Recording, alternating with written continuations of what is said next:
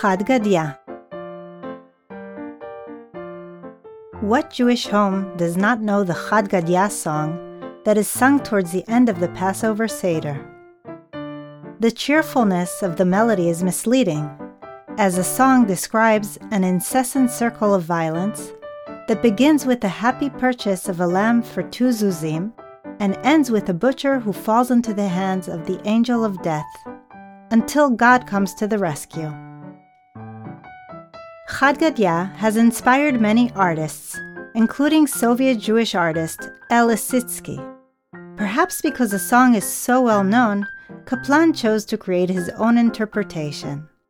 This work will teach us a bit more about the artist and the times he lived in. From the first three exhibited works, we see the cover with the image of a tiger or lion who is about to kill the small lamb. Symbolically, the image is placed on red background that was often associated with the Soviet Party.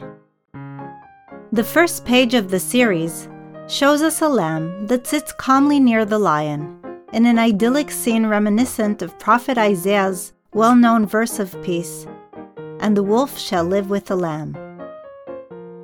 The actual lyrics of Chad Gadya begin on the fourth exhibited image, with the lines quoted in Hebrew and Yiddish. In the next image, we see a cat attacking the lamb.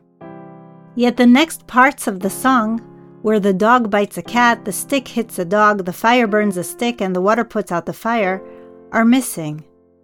It's as if the artist wishes to send us a message. Though we already know the Passover song, there's enough violence in our world, and there is no need to return to it. Now, let us continue directly to the lithograph that depicts the bull who wants to drink the water. In the original lines of the song, the bull is doomed to be killed by the butcher. But here, Kaplan diverts and offers a new ending, breaking the song's cycle of violence with his own alternative of the man who comes and harnesses a bull.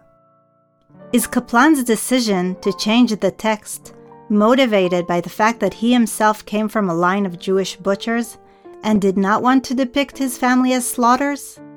Or could this be Kaplan, the Soviet artist, who knew that the actions of man and the image of toiling the land were far more in line with Soviet ethos than mentioning a God who protects man?